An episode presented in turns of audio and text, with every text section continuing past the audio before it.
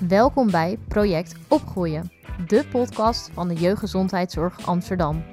In deze podcast bespreken wij, Caroline en Lois, twee jeugdverpleegkundigen, alle ins en outs met betrekking tot het opvoeden, het opgroeien en het ouderschap.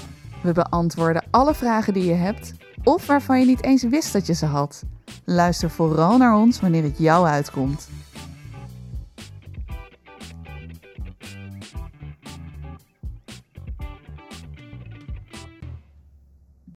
Welkom allemaal bij een nieuwe aflevering van onze podcast. Vandaag gaan we het hebben over het geven van kunstvoeding. Dit wordt ook wel flesvoeding genoemd.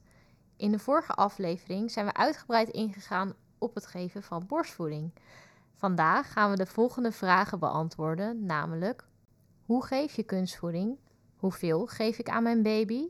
En we gaan nog veel meer ins en outs bespreken over kunstvoeding. We gaan gewoon beginnen bij het begin, namelijk welke flesvoeding slash welke kunstvoeding geef ik aan mijn baby. In principe is het zo dat de baby's van 0 tot 6 maanden volledige zuigelingenvoeding drinken. Dit is hetzelfde als de nummer 1 die vaak op de verpakking van de flesvoeding vermeld staat. Hierna, wanneer je kind ouder is dan 6 maanden, dan wordt het opvolgmelk genoemd. De reden dat er twee varianten zijn, heeft ermee te maken dat er verschillende voedingsstoffen zijn toegevoegd die je kindje op dat moment nodig heeft.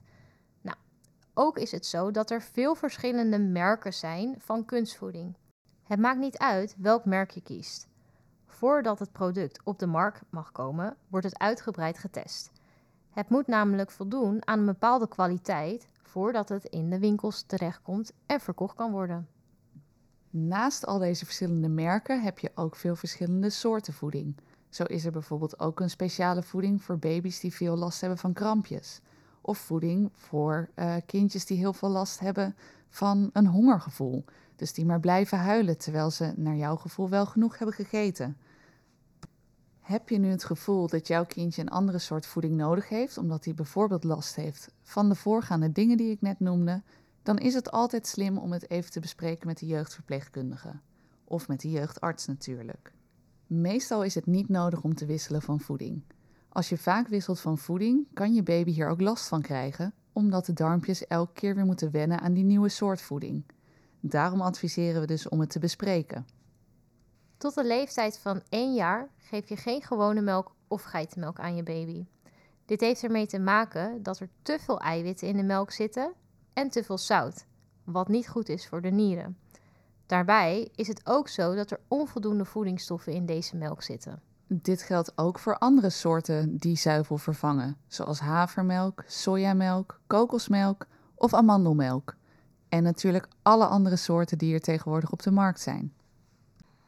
Mocht je je baby graag plantaardige voeding willen geven, dan kan dat. Er zijn verschillende alternatieven beschikbaar. Maar ga niet zelf aan de gang met plantaardige drinks die je in de supermarkt kan kopen. Hoeveel flesvoeding heeft mijn baby eigenlijk nodig? Nou, eigenlijk is het zo dat het op de verpakking altijd staat vermeld hoeveel je kindje nodig heeft op basis van zijn leeftijd en het gewicht van het kindje. Het voordeel van het geven van flesvoeding is dat je ziet hoeveel je kindje daadwerkelijk heeft gedronken. Echter is het zo dat je baby bepaalt hoeveel hij of zij gaat opdrinken van de richtlijn die beschreven staat op de verpakking. Nou, nu hoor ik jullie misschien denken van oké, maar hoe weet ik nou dat hij of zij ook echt genoeg heeft gedronken en of die ook echt vol zit? Daar kan ik jullie wat meer over vertellen. Signalen om bijvoorbeeld in de gaten te houden uh, bij je baby is bijvoorbeeld het wegdraaien van het hoofdje. Ook kan je zien dat je baby niet meer wil drinken als er wat voeding uit de mondhoekjes loopt.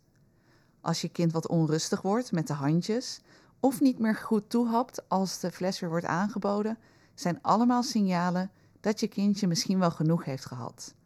Stop dan ook met het geven van de fles, want je kindje bepaalt hoeveel het wil drinken. Genoeg is dus ook genoeg.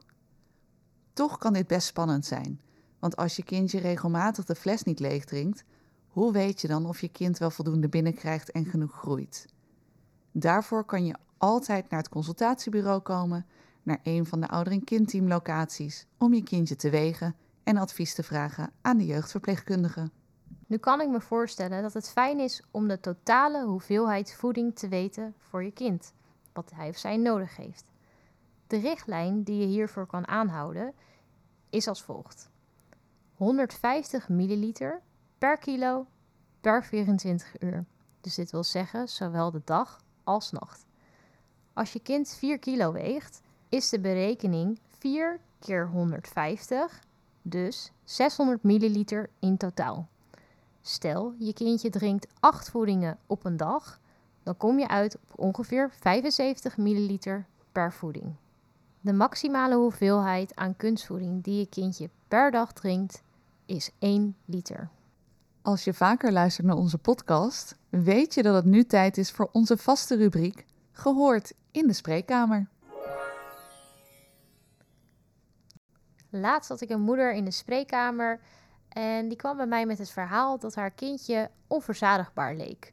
Uh, die bleef maar vragen om de fles, bleef maar huilen, bleef maar mekkeren en elke keer bood ze die fles aan, maar elke keer leek het kindje alsnog niet tevreden. We hebben vervolgens gewoon verder tijdens uh, de afspraak zijn we gewoon verder gaan kijken hoe en wat. Ik heb het kindje gewogen, het kindje gemeten. Toen hebben we gekeken naar de groeicurve. En wat we toen zagen is dat de groei wel in een korte tijd flink was toegenomen. En daar schrok moeder eigenlijk wel van. Um, dus toen hebben we even kort besproken wat hier de reden van kon zijn. Nou ja, en zoals ik net al aangaf, moeder gaf heel vaak de fles.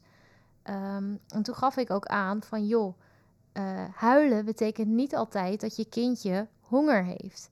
Dus wat we eigenlijk um, toen besproken hebben, is waar moeder op kon letten wat nou de signalen zijn dat je kindje echt honger heeft en wat andere redenen kunnen zijn waarom het kindje misschien ontroostbaar is. Hoe geef je flesvoeding aan je baby? Dit is misschien een voor de hand liggende vraag, maar ik denk dat het toch goed is dat we dit even kort toelichten. Het is zo dat een voedingsmoment namelijk een belangrijk moment is tussen ouder en kind. Het is een moment waarbij je contact maakt met elkaar. En dit heeft positieve effecten op de ontwikkeling van je baby. Waar kan je nu eigenlijk nou op letten bij het geven van flesvoeding? Neem ten eerste gewoon de tijd voor de voeding. Zorg dat je heerlijk rustig zit en ontspannen bent. En zorg ervoor dat je dan ook contact maakt met je baby. Als je goed contact maakt met je kindje, dan komt ook het knuffelhormoon vrij, oxytocine, waardoor je je rustig en ontspannen voelt. Tijdens het geven van de flesvoeding ondersteun je het hoofdje van je kind. Hierbij hou je de fles horizontaal vast. Dit betekent in een rechte lijn. Hierdoor is de melk goed verdeeld in de speen, waardoor er geen extra lucht meegedronken wordt. Dit voorkomt extra krampjes bij je baby. En op deze manier kan je baby ook zelf het tempo bepalen. Een leidraad om vast te houden is dat een voeding ongeveer 20 minuten duurt. Merk je nu dat jouw kindje veel sneller drinkt dan die 20 minuten? Of misschien wel veel langer over de voeding doet dan die 20 minuten? Dan kan het misschien helpen om een ander soort speen te kiezen. Er zijn namelijk veel verschillende soorten spenen. Er zijn spenen met één gaatje, bijvoorbeeld een gaatje dat wat groter is, een kleiner gaatje en spenen met meerdere gaatjes. Dus drinkt jouw kindje erg snel, kan je erover nadenken om een speen te kiezen met meerdere kleine gaatjes of één klein gaatje. Wanneer jouw kindje juist wat langzamer drinkt, kan je dus kiezen voor een speen met een wat groter gaatje of met meerdere grote gaatjes. Ook over flesvoeding is er online heel veel te vinden, maar heb je nu te maken met een feit of met een fabel? De eerste stelling. Als je op reis gaat, kun je de flesvoeding alvast klaarmaken en gewoon meenemen. Dit is een fabel. Een klaargemaakte fles mag je niet bewaren buiten de koelkast. Bewaar je een klaargemaakte fles wel in de koelkast, zorg er dan voor dat het niet langer dan 8 uur bewaard wordt. Dit heeft ermee te maken dat er bacteriën aanwezig kunnen zijn en zich kunnen gaan vermenigvuldigen. Stelling nummer 2. Kunstvoeding mag je ook voor een tweede keer opwarmen. Dit is niet waar. Ook hierbij geldt dat er mogelijk bacteriën aanwezig zijn die zich dan opnieuw kunnen vermenigvuldigen. En hier kan je kindje ziek van worden. De laatste stelling. Het is belangrijk om de juiste hoeveelheid schepjes aan te houden die op de verpakking staat. Dit is een feit. Door te veel voeding toe te voegen of te weinig water toe te voegen, kan je kindje te zwaar worden of kunnen ze verstopt raken, dus niet goed kunnen poepen. Goed om te weten is dat het om afgestreken schepjes gaat, dus niet met een schepje met een kop erop. Het klaarmaken van een fles. Hoe doe je dat? Er volgen nu zeven korte stappen. Nou, de eerste stap is logisch, maar zorg ervoor dat je handen schoon zijn voordat je begint met het klaarmaken van een fles en gebruik altijd een schone fles en een schone speen. De tweede stap hebben we al kort besproken, namelijk de juiste hoeveelheid in de fles stoppen. Wat is de juiste hoeveelheid? Nou, dat is zoals op de verpakking staat aangegeven. De derde stap. Vul je flesje met koud kraanwater. In principe is het zo dat het leidingwater van Nederland schoon genoeg is om te gebruiken. Let hierbij wel op: woon jij in een oud huis in een grote stad, dan kan het zijn dat er nog lode leidingen liggen in je huis. Lode leidingen kunnen niet gebruikt worden voor het aanmaken van de babyvoeding. Dit is namelijk gevaarlijk voor de baby. Als dit inderdaad zo is, dit kan je checken op de website van de gemeente, dan kun je kiezen voor uh, voorverpakt water dat je in de supermarkt kan kopen. Er staat op het etiket altijd of het water geschikt is om te gebruiken in babyvoeding. De volgende stap is als volgt. Verwarm de fles met alleen water. Je maakt de fles niet warmer dan 30 tot 35 graden. Er zijn drie manieren om de fles te verwarmen. Kies vooral een manier wat voor jou het gemakkelijkst werkt.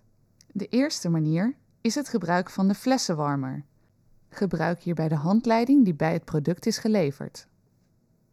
De tweede manier is het gebruik van een pannetje water. Zet het flesje in een pannetje met warm water, geen kokend water, en zorg dat na het opwarmen je het flesje goed schudt. Zo wordt de warmte goed verdeeld. Ook kan je het flesje verwarmen in de magnetron. Zet de magnetron op maximaal 600 watt en schud het flesje daarna heel goed door elkaar om de warmte weer te verdelen. Je kan een flesje van 100 ml ongeveer 30 seconden verwarmen, een flesje van 200 ml 60 seconden. Stap 5. Nu pas ga je het poeder toevoegen. Dan gaan we door meteen naar stap 6. Dat is dat je de fles rustig heen en weer gaat schudden totdat het poeder helemaal opgelost is. Tot slot, de laatste stap is dat je altijd controleert of de temperatuur van de melk juist is. Dit doe je door een druppeltje op de binnenkant van je pols te laten vallen. Als hij aanvoelt ongeveer even warm als je huid, dan is de temperatuur goed. Mocht het te heet zijn, laat het flesje dan even afkoelen. En test daarna weer opnieuw. Wanneer je flesvoeding geeft, is het ook belangrijk om vitamine D en vitamine K te geven. Maar waarom geef je dit en hoeveel geef je nu eigenlijk? Vanaf 8 dagen ga je van start met het geven van vitamine D en vitamine K. Een voorbeeld waar vitamine K goed voor is, is de bloedstolling. Dit wil zeggen dat wanneer je kindje een wondje heeft, het wondje snel geneest. Geef je meer dan 500 ml kunstvoeding per 24 uur, dan stop je met het geven van de druppels van vitamine K. Vitamine D is goed voor de botten, de tanden en ondersteunt het zenuwstelsel van je kleintje. Vitamine D is niet toegevoegd aan de kunstvoeding. Dus tot de leeftijd van 4 jaar geef je kindje elke dag 10 microgram vitamine D. En als je een wat meer getinte huid hebt, is het verstandig om eigenlijk altijd vitamine D te slikken, omdat de zon in Nederland niet sterk genoeg is. Dan zijn we alweer aangekomen bij het laatste onderdeel van deze aflevering, namelijk de tip top 3.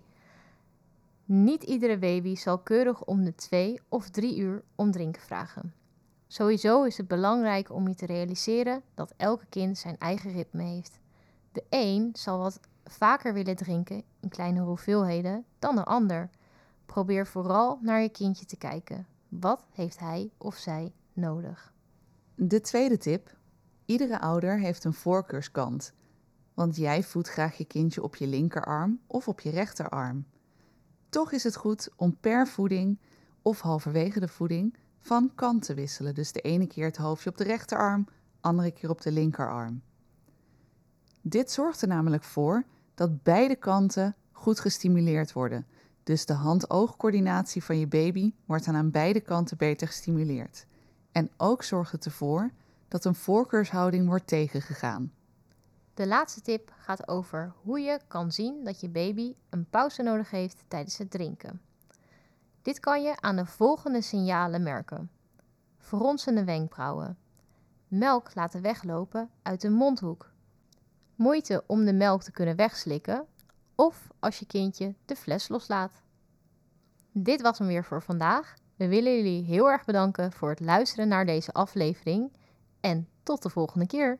Tot volgende week.